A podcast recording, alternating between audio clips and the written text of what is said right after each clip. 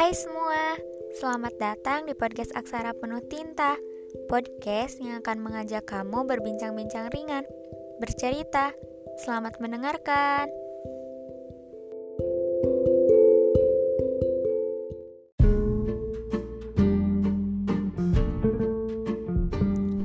Hai, balik lagi di segmen cerita teman.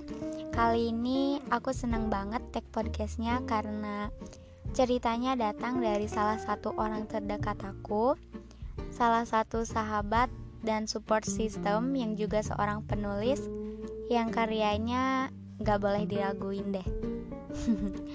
Penasaran kan? Langsung aja ke ceritanya yuk. Ini pertama kalinya aku gak bisa lupain cowok. Dia teman sekelasku pas SMP. Kadang kata orang, apaan sih pacaran sama anak sekelas? Emang enak? Aku nggak tahu karena nggak pernah rasain itu. Oke, ini aneh banget. Dulu aku risih sama dia, sebelah aja gitu. Mana dia tuh tukang nyontek. Udah gitu usil pula.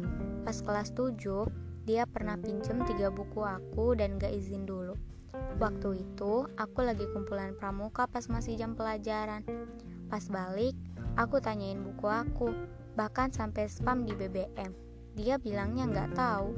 Eh pas hari Seninnya, itu tiga buku udah ada aja di kolong meja.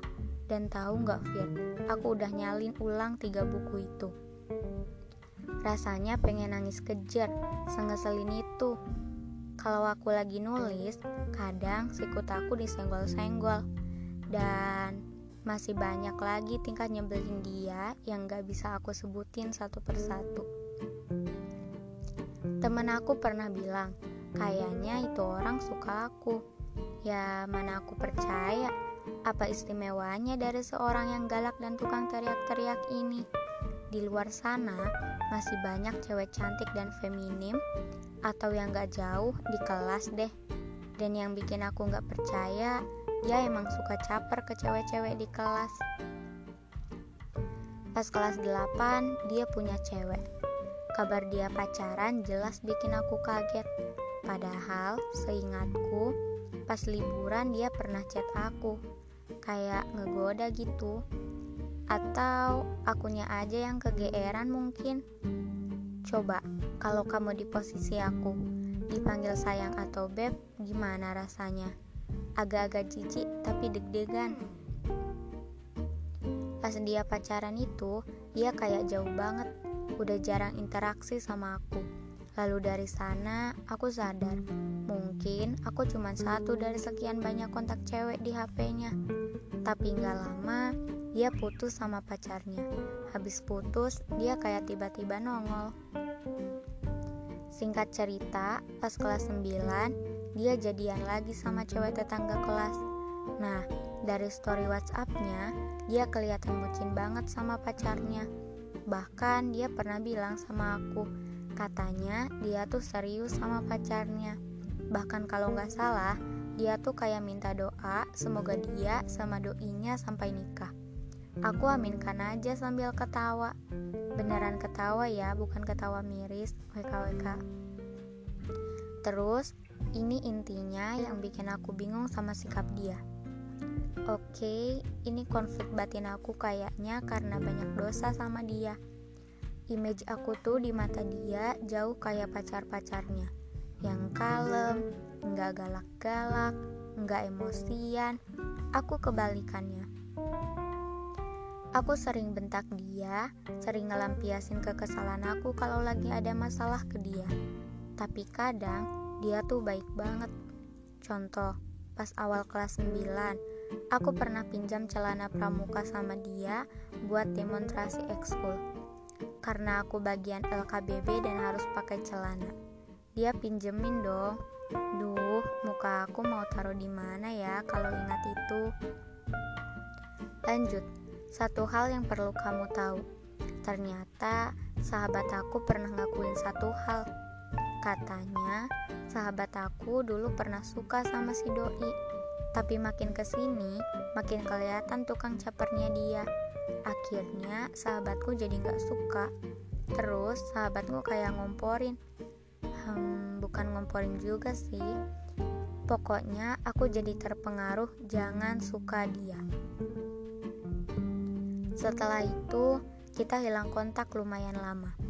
Dan kamu tahu nggak Fir, pas buku pertama aku terbit, di saat aku lagi bingung-bingungnya promosi biar banyak yang beli, dia tiba-tiba nge-reply story WhatsApp aku terus dia beli. Fir, kalau kamu jadi aku, gimana perasaan kamu? Mana itu buku mahal lagi? Dia juga doain dan semangati aku. Kalau aku bisa jadi penulis yang hebat. Oh iya, dia juga pernah nawarin aku buat ikut ke pantai pas akhir kelas 9 bareng anak-anak yang lain. Aku tim gak ikut. Aku bilang, aku mau tabung uangnya buat beli seragam SMA. Tahu gak respons dia gimana? Aku bayarin, katanya. Duh, pengen ngefly tapi besoknya pas aku tolak dia tawarin ke temen cowok aku yang lain WKWK ini aku yang GR banget gak sih dan terakhir yang bikin aku pengen ngefly sekaligus bingung dia juga pernah nawarin aku buat pulang bareng sama dia katanya arah rumah dia sejalur sama rumahku dia juga tahu rumah aku Jujur, itu bikin aku mau ngefly tapi juga bingung. Apa dia emang semudah itu nawarin boncengan ke cewek? Aku yang cuman pernah dibonceng cowok selain ayah sekali, itu pun sama dia, can relate. Dari cerita aku yang panjang banget ini, aku cuma pengen nanya, dia tuh sebenarnya perasaannya gimana sih? Tapi aku takut, takut kegeeran banget. Takut kalau dia juga ngelakuin hal yang sama ke temen ceweknya yang lain. Terus anggap aku biasa aja. Menurut kamu, aku harus gimana, Fir? Uh, Oke, okay. Ceritanya berhasil bikin aku senyum-senyum sendiri pas baca.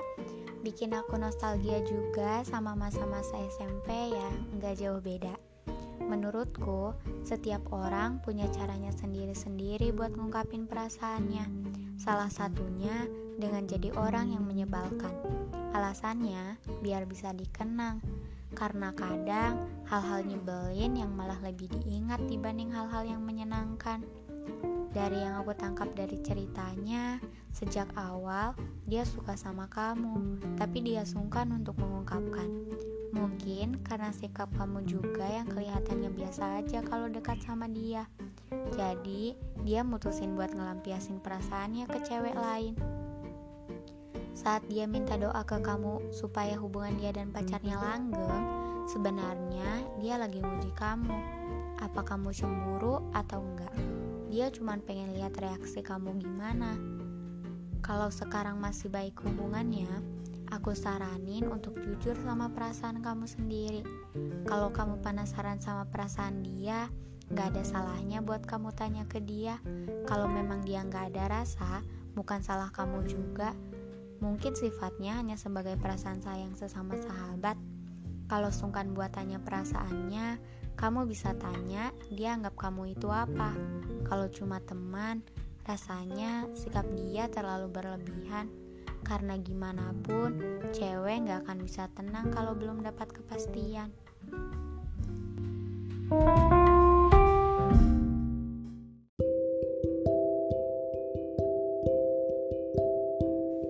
Terima kasih ya sudah mendengarkan podcast Aksara Penuh Tinta.